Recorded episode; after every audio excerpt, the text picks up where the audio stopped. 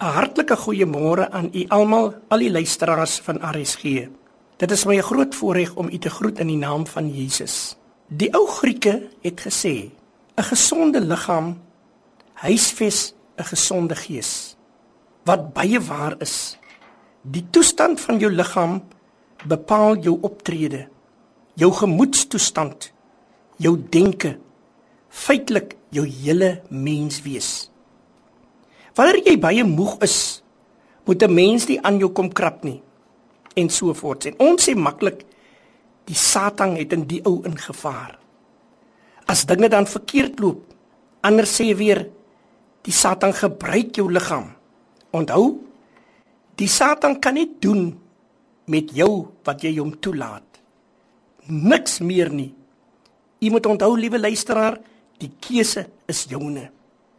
Die Satan het die menslike liggaam gemaak nie.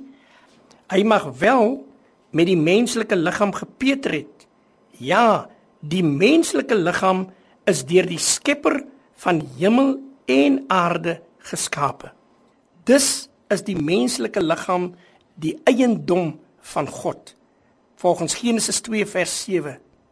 Die Here God het die mens geformeer uit die stof van die aarde.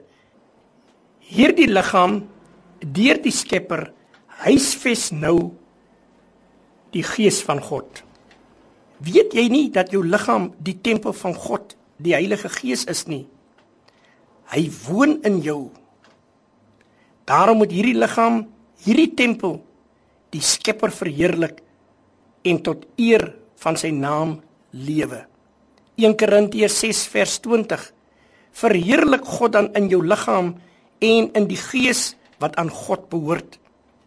U sien liewe luisteraar, ons gaan beslis eendag voor die Here verskyn en verslag gee van wat ons met ons liggaam gedoen het volgens 2 Korintiërs 5 vers 10.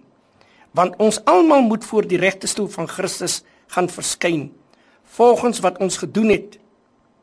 Daarom as jy 'n lui mens is, is jy 'n slegte dienskneg volgens Matteus 25 vers 26 Hoe verwag jy die Heilige Gees moet saam met jou leef as jy dan lei is? So dikwels sondig ons met die liggaam wat net aan ons geleen is deur toe te gee aan sonde. Baie mense sê dit is my liggaam. Ek het die reg om te maak met dit wat ek wil. Jy en ek gaan rekenskap gee oor alles wat ons met ons liggaam gedoen het volgens 2 Korintiërs 5 vers 10 sodat in die naam van Jesus sou buig elke knie wat in die hemel en die wat op die aarde is en elke tong sal bely dat Jesus Christus die Here is. God seën vir u. Amen.